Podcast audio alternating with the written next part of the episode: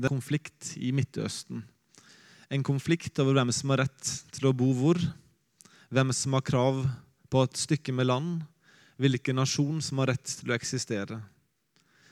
Raketter har blitt skutt over grensa og blitt besvart med tyngre skyts. Og selv om det nå så vidt jeg vet, i hvert fall, er våpenhvile i Israel, så er det tydelig at situasjonen fremdeles er betent og til dels kritisk. Selv om krigstrusselen i Israel i sin nåværende form er en relativt ny krise i historisk sammenheng, så er realiteten at eh, landet helt ifra sin opprinnelse, først gjennom erobringen av landet gjennom Josva, og så senere gjennom stiftelsen av kongedømmet og riket gjennom Saul og David, og så videre Salomo, så har landet til stadighet stått i forskjellige kriser. Landet stadighet lå under trusselen for krig. Kun i kortere perioder har det vært fred i Israel. Normalen har vært konflikt og spenning. I dag skal vi gå tilbake ca. 2600 år og se på en annen krise som israelsfolket sto i. Det var ikke en krise relatert til en pandemi. Det kom ikke fra naturkatastrofer. Det var ikke et resultat av krig med Hamas eller andre fiendtlige naboer. Det var en krise som gikk mye dypere. En krise som rokket med det indre av hvem israelsfolket skulle være. En nasjonal, åndelig krise som negativt påvirket alt annet. En krise som var selvforskyldt av folket hvor landets ledere, kongene, ikke hadde bare bidratt, de hadde ikke bidratt til å begrense skaden av krisen, men de hadde vært pådriver for krisen, katalysatorer for at krisen skulle eskalere. Gud hadde tydelig sagt hva Israels funksjon på jorda skulle være. I 3. Mosebok 19,2 så sier Gud til Israel.: Dere skal være hellige, for jeg Herren deres Gud er hellig. Og I andre Mosebok sier Gud til Israel via Moses at dere skal være et kongerike av prester for meg og et hellig folk. Israel var Guds utvalgte folk, Guds eiendomsfolk. Et folk som Gud hadde utvalgt seg først gjennom patriarkene. Abraham, Isak og Jakob. Så gjennom de tolv stammene, representert gjennom Jakobs tolv sønner. Og så gjort til nasjonen Israel som Gud på mirakuløst vis frelste ut av fangenskapet i Egypt. Guds hellige folk, Guds paktsfolk på jorden. De som skulle være et vitne om Guds hellige og rettferdige og nådige karakter til hedningfolkene. Dette folket var nå i en åndelig krise.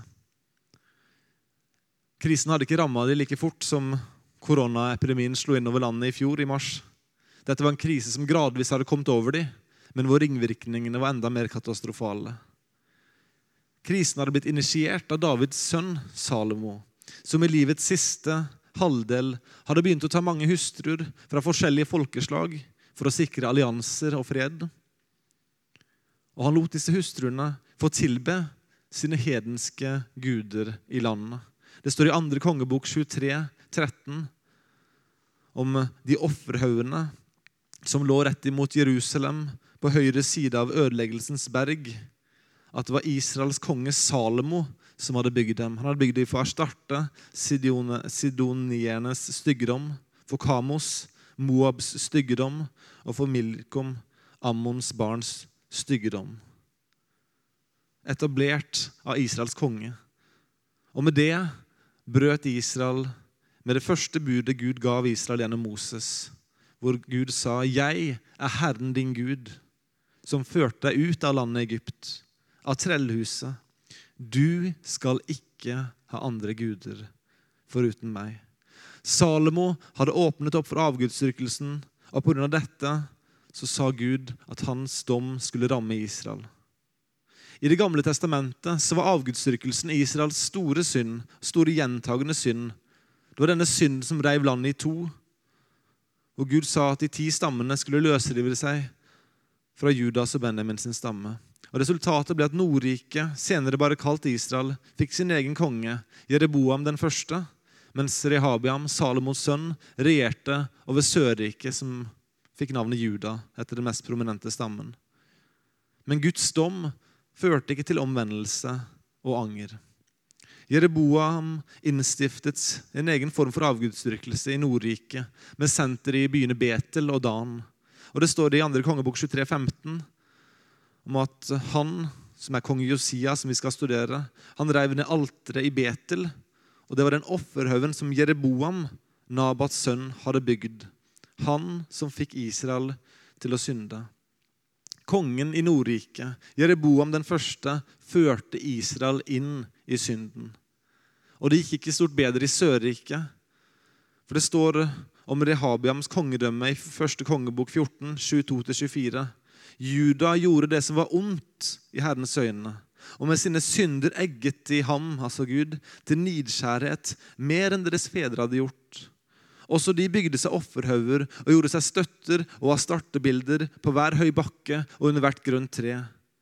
Og Det var til og med folk i landet som drev tempelutukt. Og de tok etter de motbydelige skikkene hos alle de hedningfolkene som Herren hadde drevet bort for Israels barn. Nordriket falt raskt inn i avgudsdyrkelsen, og Sørriket fulgte etter.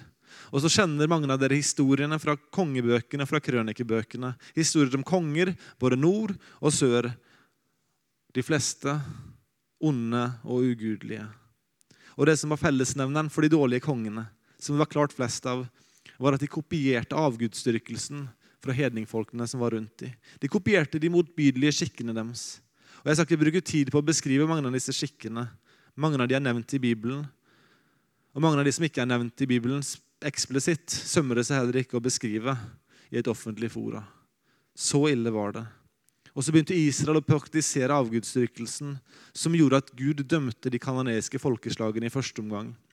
Israel fikk Hanans land, selvfølgelig gjennom løftet til Abraham, men også som en del av dommen over kananeerne som bodde der. De var onde, og Gud ville dømme dem. Faktisk så holdt Israel, Gud igjen landløftet til Israel inntil kananeerne har oppfylt sitt sindemål. Og så dømte Gud hedningfolkene ved å la Israel erobre og ta landet. Og så skjer det sørgelige at Israel blir like ille som de dere drev ut for seg.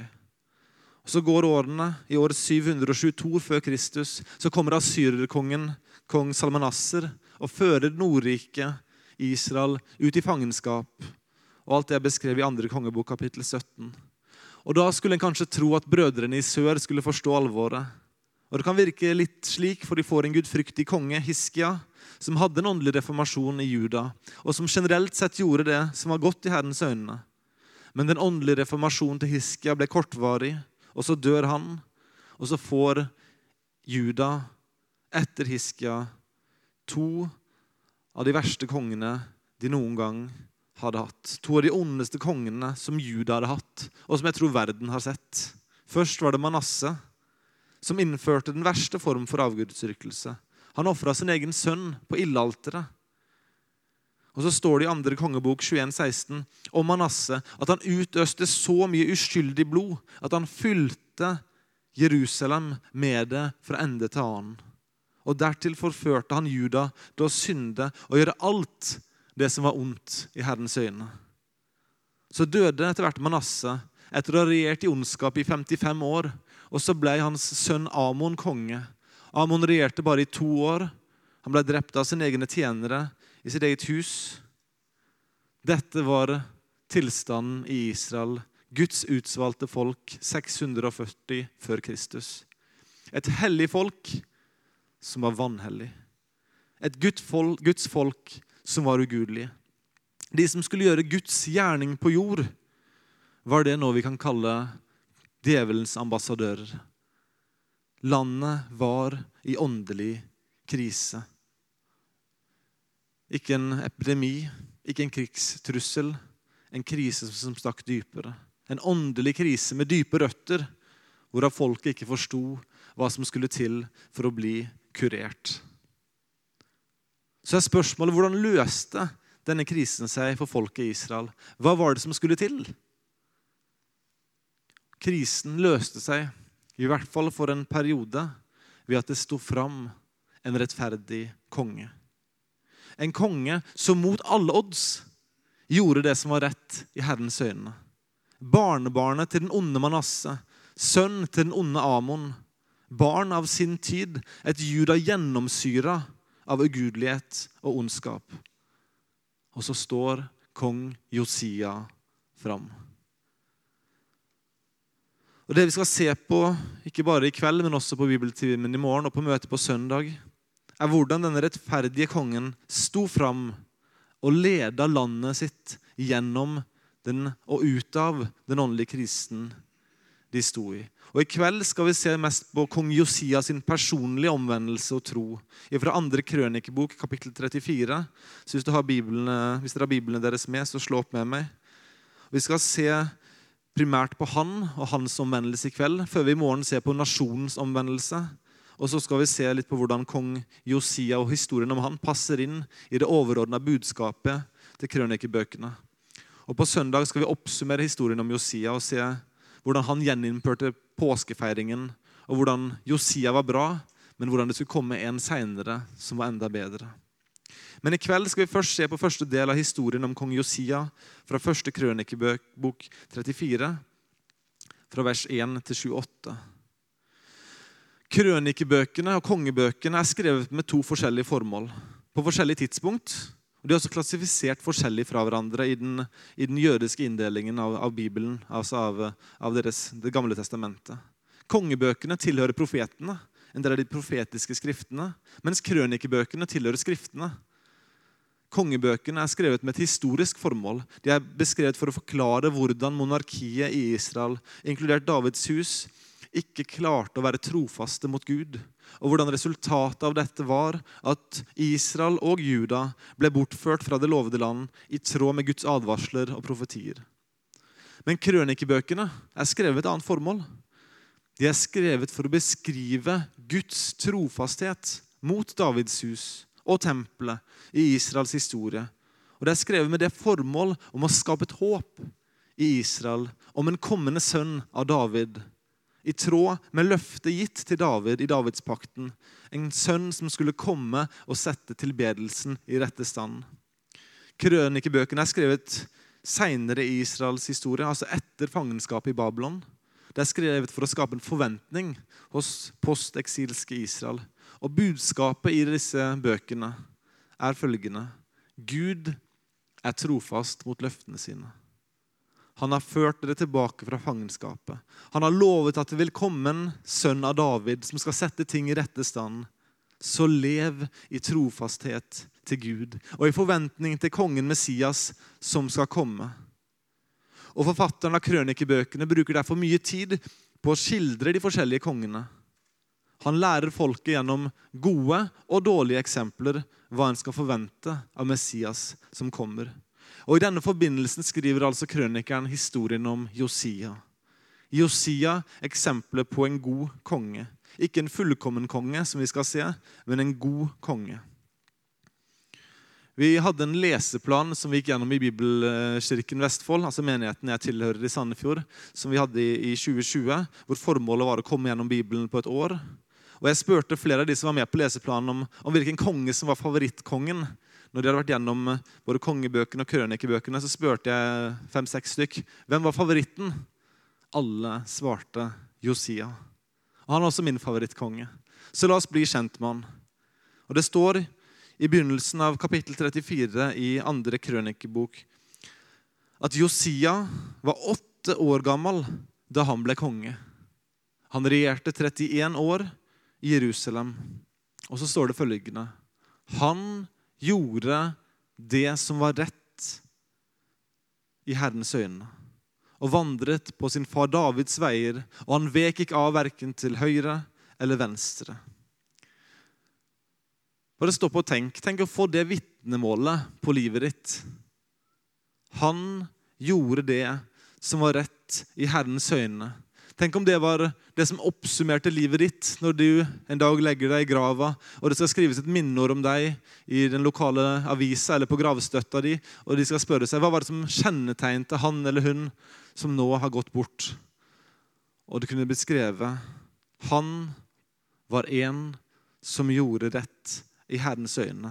Han vek ikke av, verken til høyre eller venstre. Måtte det kunne blitt sagt om oss. Og det er enda mer utrolig med tanke på de forutsetningene kong Josia hadde. Han hadde verdens, verdens ondeste far og bestefar, i hvert fall i, i åndelig forstand. Juda hadde vært under et ondt kongedømme i 57 år.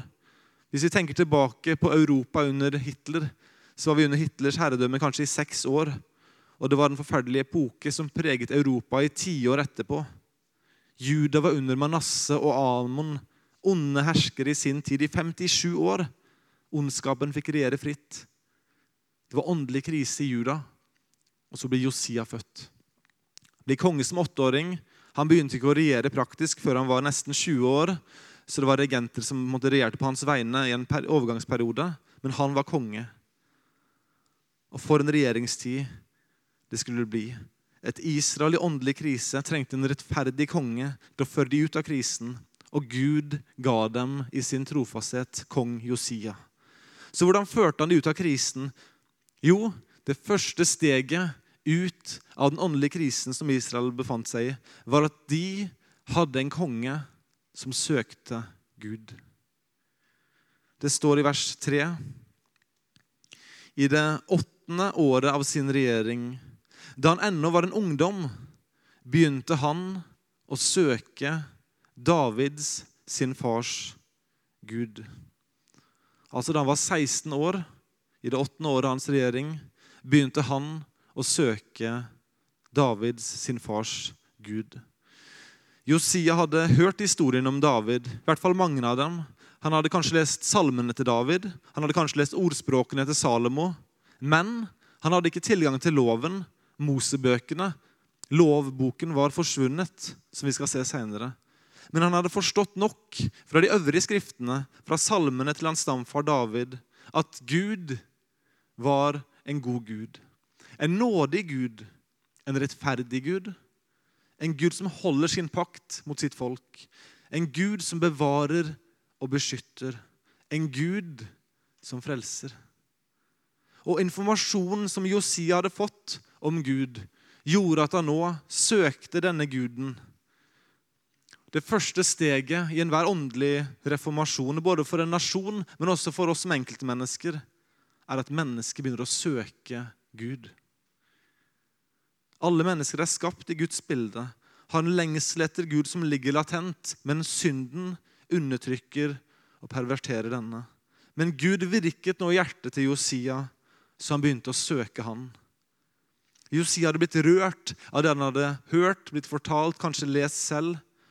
Han hadde hørt og blitt fortalt om Israels Gud, og han begynte nå å søke denne guden. Jeg husker Da koronaen slo inn over landet i fjor, så sto det mange steder i, hvert fall i kristne tidsskrifter, at nå var det mange som søkte Gud.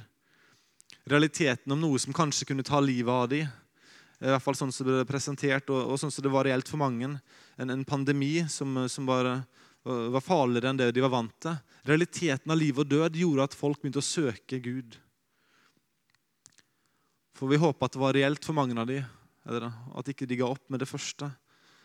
At det var flere som ba, flere som tenkte over evige ting. Og det var dette som skjedde med Josia som 16-åring. Han begynte å søke David, sin fars gud. Men Josia var ikke sånn som at han søkte Gud en liten stund, og så ga han opp. Jeg frykter at det var tilfellet for mange av de som begynte å søke Gud i, i fjor, da landet sto under pandemien. Nei, Josia begynte å søke Gud, og han fortsatte med det. Han hadde fått med seg at det Israel drev med, var ondskap. Han hadde sannsynligvis fått bistand og rettledning fra, fra, noen av de få trofaste profetene han hadde rundt seg. Jeremia var en av de. Og så ble han konfrontert med Israels store synd, og han var lederen for landet. Han hadde forstått alvoret i avgudsdyrkelsen, som medførte diverse øvrige synder. Så skjedde det at søkenen etter Gud resulterte i en omvendelse fra synd. Så la oss kalle det steg to i den åndelige reformasjonen i Israel. Han søkte Gud, og så omvendte han seg fra sin synd og fra landet sin synd, kan en si. For det står videre i vers 3. I det tolvte året begynte han, altså Josia, å rense Juda og Jerusalem for offerhaugene og astartebildene og de utskårne og støpte bildene. De rev ned Balens altere mens han så på det, og solstøttene som sto oppå dem, hogg han i stykker. Astartebildene og de utskårne og støpte bildene slo han i stykker og knuste de, og støv av dem strødde han på gravene til folk som hadde ofret til dem. Pressenes ben brente han på deres egne altere, og slik renset han Juda og Jerusalem. Og i Manasses og Efraims og Simeons byer, helt til Naftali og på øde steder rundt omkring, rev han ned alterene og var startebildene, og de utskårne bildene slo han i stykker og knuste de. Og alle solstøttene i hele Israels land hogg han ned. Og så vendte han tilbake til Jerusalem. Hør her. Det Josia gjør under den åndelige krisen, er at han renser vekk alt det onde og ugudelige som hans forgjengere og befolkningen hadde innført. Og Han gjorde det så fullstendig som han kunne. Han ødela bildene, statuene, offerhaugene totalt. Han knuste de, han pulveriserte de. Han gjorde det i byene, og han gjorde det på landet. Ingen sted skulle stå urørt. Igjen, Han hadde begrensa kunnskap til loven på dette tidspunktet, men han forsto at Gud hadde behag i en omvendelse som var fullkommen eller fullstendig, om han vil. Han gjorde som Jesus sa, om din hånd fører deg til fall, så hogg den av. Josia forsøkte ikke å smelte om avgudsstatuene og bruke de til andre tjenlige formål. Det kunne vært fristende, sikkert, men han forsto at hvis jeg smelter om disse avgudsstatuene og bruker de til noe annet, så kommer folket til å finne en måte å tilby de på også. Han forsto, lot han noe stå igjen, så ville folket begynne å tilby det også. Så han pulveriserte det, han hogde det av. Og Krønikeren har som formål å oppmuntre Israel til å vente i håp på den lovede Messias som kommer. Som skulle sette, avgud, nei, sette gudsdyrkelsen i rette stand. Og Her ser vi at Josia gjør det som Jesus gjorde ved to forskjellige anledninger i tempelet. En gang i begynnelsen av hans aktive tjeneste og en gang mot slutten av hans aktive tjeneste. I Matteus 21, 12 står det om Jesus at han gikk inn i Guds tempel og drev ut alle dem som solgte og kjøpte der. Og han veltet pengevekslernes bord og duekremmernes benker. Og han sa til dem, det står skrevet, mitt hus skal kalles et bønnens hus. Men dere har gjort det til en røverhule. Her ser vi den sanne Messias Jesus gjøre det som Josia, som bare sa en type på Kristus, hvis du vil, gjorde i Israel 650 år tidligere. Han fjerna og sletta avgudsdyrkelsen vekk. Og så begynte han å gjenopprette den sanne tilbedelsen. Så Vi ser det første steget av at han søkte Gud, og så omvendte han seg fra synden ved å fjerne avgudsdyrkelsen, rense landet. Og så skjer det at den sanne tilbedelsen blir gjenoppretta. Han forstår at det er ikke nok å bare fjerne avgudsdyrkelsen, vi må faktisk få tempeltjenesten i stand igjen. Og jeg vet at For oss så er det vanskelig å relatere veldig til, til tempeltjenesten direkte. Vi, vi, har ikke daglige ofringer. Eh, vi har ikke som Israel en ypperste prest på samme måten. Vi har selvfølgelig en ypperste prest i himmelen, i Jesus, men han bar fram ett endelig offer. Så for oss er det vanskelig å relatere oss i hvert fall sånn følelsesmessig til viktigheten av tempeltjenesten. Men for Israels gudstjeneste i den tid de levde i, så var det helt sentralt for at de skulle kunne tilbe Gud riktig. De måtte ha daglige påminnelser om synd. De måtte forstå at de var avhengig av nåde fra Gud. Det måtte bæres fram syndofferlam osv. De skulle tilbe Gud gjennom tempeltjenesten. Så gjenopprettelsen av tempeltjenesten var essensiell. Og det er det Josia går i gang med. Han begynner å sette tempelet i stand. Og så står det at det skjer i det 18. året av Josias regjering, altså da han er 26 år. Da holder Josias tjenere på å rense tempelet og pusse det opp. Eh, tempelbygningen for øvrig sto, sto, intakt, men det hadde forfalt. Og Det hadde blitt brukt avgudsdyrkelse, og det hadde behov for oppussing. Tempelet måtte renoveres for at den sanne og riktige tilbedelsen kunne finne sted. Og Så samla de sammen penger, hadde en kollekt som var kommet inn til Guds hus, og så begynte de restaureringen i bygget. Og Det kan vi lese om, vi skal ikke gjøre det nå, men i vers 8-13 så står det beskrevet denne prosessen. Men så skjer det uventede at de finner noe i tempelet som hadde vært tapt en god stund. For Det står i vers 14 av 2. krønikebok 34 at da de nå tok ut de pengene som var kommet inn til Herrens hus, fant presten Hilkia boken med Herrens lov, som var gitt ved Moses. Hvor ironisk er det ikke at Guds lov var tapt i landet, og det stedet de fant i, fant boken, var tempelet. Den hadde hele tiden vært der, men den var forsømt til den grad at de ikke lenger kunne finne den igjen. Hvor beskrivende var ikke det om det åndelige frafallet i landet, den åndelige krisen som foregikk der, at det foregikk tilbedelse i tempelet, men Guds ord var forsømt. Guds ord var ikke relevant, men det foregikk fremdeles en slags form for tilbedelse i tempelet. Og Lærdommen her er selvfølgelig at sann tilbedelse blant Guds folk ikke kan forekomme uten rettledning og forkynnelse av Guds ord. Jeg tror dessverre det er slik noen plasser også i dag at hadde Bibelen forsvunnet, blitt glemt eller støva vekk i et hjørne, så hadde ikke tilbedelsen sett så annerledes ut. Guds ord er der i en fysisk bok, men det er glemt og ignorert.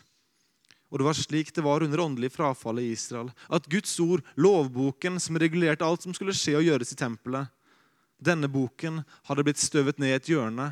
Denne var nå glemt. Måtte det aldri skje med oss?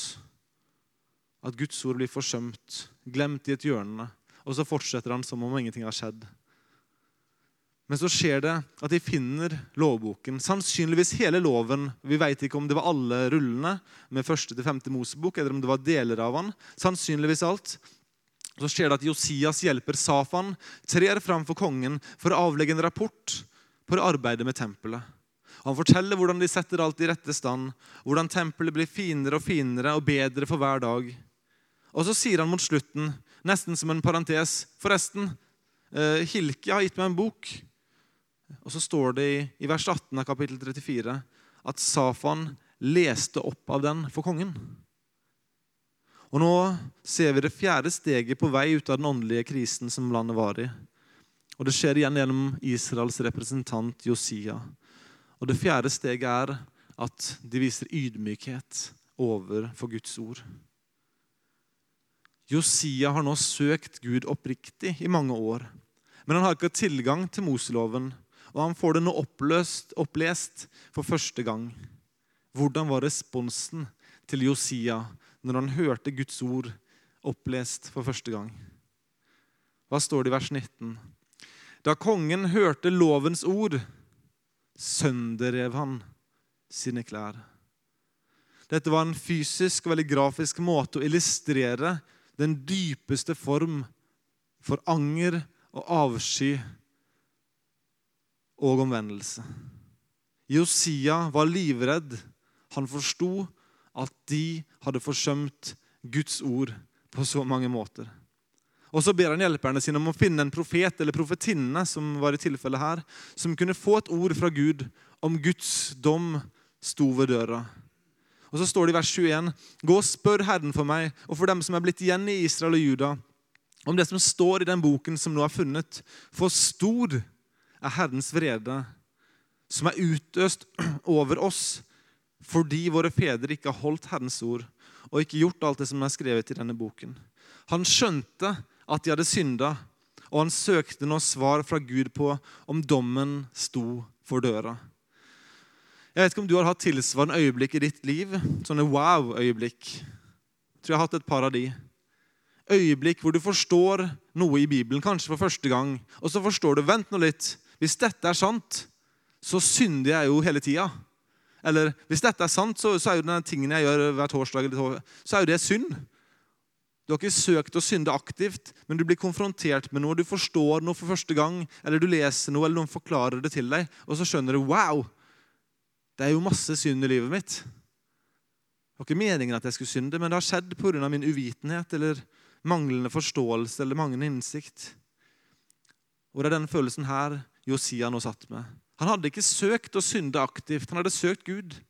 Men resultatet av hans uvitenhet, av at lovboken var forsømt, var at det var masse uoppgjort synd i landet. Så går Hilkia og de andre hjelperne til en profetinne som het Hulda. Og så får de et svar ifra Herren. Og La oss lese det svaret som står i vers 23 28. Der står det som følgende at eh, profetinnen Hulda sa til dem Så sier Herren, Israels Gud. Si til den mannen som har sendt dere til meg. Så sier Herren, se, jeg fører ulykke over dette stedet og dets innbyggere. Alle de forbannelser som er skrevet i den boken de har lest for Judas konge, fordi de har forlatt meg og brent røkelse for andre guder for å vekke min harme med sine henders gjerninger. Min vrede skal utøses over dette sted, og den skal ikke slokkes. Og til Judas konge, som sendte dere for å spørre Herren, til ham skal dere si så. Så sier Herren Israels Gud om de ord som du har hørt. Fordi ditt hjerte ble mykt, og du ydmyket deg for Guds åsyn da du hørte Hans ord med dette sted og dets innbyggere. Fordi du ydmyket deg for mitt åsyn og søndrev dine klær og gråt for mitt åsyn, så har også jeg hørt, sier Herren så vil jeg da samle deg til dine fedre, og du skal samles med dem i din grav i fred. Og dine øyne skal ikke se all den ulykke jeg vil føre over dette sted og dets innbyggere. Og med dette svaret vendte de tilbake til kongen. Svaret som Gud gir til Josia gjennom profetinnen Hulda, kan oppsummeres i to punkt. Del 1. Guds dom kommer over all urettferdighet. Gud er rettferdig, og dommen kommer. Dette sier profetinnen tydelig og klart til Josia. Guds dom kommer over synden. Og Det er et sant budskap også for oss i dag. Guds dom vil ramme synden, ramme all urettferdighet. Men hva er andre del av budskapet profetinnen ga til Josia? Gud er nådig, og han vil spare de som ydmyker seg for hans ord. Han hadde sett Josias anger. Gud hadde sett hans hjerte, han hadde sett hans, hans omvendelse. Og Gud skulle la dommen passere han. Han skulle få nåde, og hans generasjon fikk nåde. Et todelt budskap. Guds dom kommer over all urettferdighet. Men Gud er nådig og vil spare de som ydmyker seg for Hans ord. For et fantastisk budskap det er å få. Og det er et budskap som også er sant. Gud er også nådig i dag. Han vil også gi nåde til de som ydmyker seg for Han og erkjenner sin synd og påkaller Han i bønn. Det er et budskap som ikke bare var sant for Josia, men også for oss. Guds dom vil ramme all urettferdighet, men Gud er nådig. Han vil spare de som ydmyket seg for han i tro. Hvordan responderte Josia? Han responderte med ydmykhet i tro. Han erkjente at Guds ord var sant. Han hadde et stort problem fordi han og nasjonen hadde brutt loven, så han ydmyket seg. Og for at et land, en nasjon eller en forsamling eller en person skal få en åndelig oppvåkning, så må det komme en erkjennelse av at Guds ord er rett, at det er sant. At dette livets ord må vi følge og tro.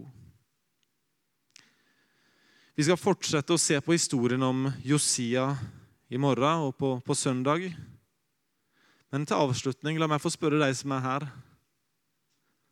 Har du ydmyka deg for Guds ord? Har du erkjent at det er sant?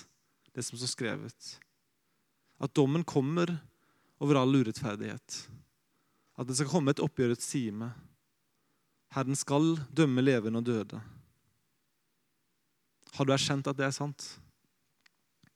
Hvis du har erkjent det, har du ydmyket deg for det og bedt Gud om nåde og trodd på Jesus, Guds stedfortredende lam, som ble sendt for å fri sitt folk fra sin synd. Budskapet om Josia og budskapet i Bibelen og budskapet til oss i dag at vi har en nådig Gud. Som tross våre synder som er ofte like store og stygge som, som den største hedning sin synd. Gud kan tilgi også den. At Gud er nådig mot de som søker Han i ydmykhet. Som du har vært på bedehuset her, om det er noen som er her for første gang, eller om du har vært der i alle år, så håper jeg i hvert fall dette er sant for deg. At du har erkjent at Guds ord er sant. At du har ydmyket deg for det, at du har påkalt Gud. Bedt om nåde i tro på Jesus som kom og levde et fullkomment liv, og som ble ofra på korset for din skyld, som døde og ble begravet, men som gjenoppsto fordi han var rettferdig, som for opp til himmelen, og som skal komme igjen for å hente sin brud, og han skal komme hjem og dømme levende og døde. Måtte vi ydmyke oss for han, måtte vi tro på han, måtte vi følge han, den fullkomne kongen, Jesus. La oss be sammen. Gode far, vi takker deg for at du er nådig Gud. Uten din nåde hadde det ikke vært håp for noen av oss. Da hadde det kun vært dom. For vi har alle synda. Vi har alle gjort ting vi angrer på. Og vi har ofte gjort ting vi ikke engang har tenkt på å angre på, men ting som går imot din vilje. Kjære far, vi ber om at du må gi oss fornyelse og oppvåkning. Måtte du hjelpe oss til å igjen ydmyke oss, ydmyke oss for ditt ord. Og måtte vi igjen se hvor mye vi trenger Jesus. Og Vi takker deg, Gud, for at du er nådig og sendte din sønn, det fullkomne offeret, for å dø for oss. Kjære Jesus, takk for at du kom og døde og sto opp igjen. Og at du tar imot oss, at du er vår bror og vår konge. Kjære far, vi ber om at du må velsigne hver sjel som er her. Hvis det er noen i dette bygget som ikke tilhører deg, og det kan godt være, så ber jeg om at du nå må, må gripe inn i hjertet og ikke gi vedkommende fred før han eller henne har falt på kne ydmykhet for deg og påkalt deg i tro. Og det ber vi om i Jesu navn. Amen.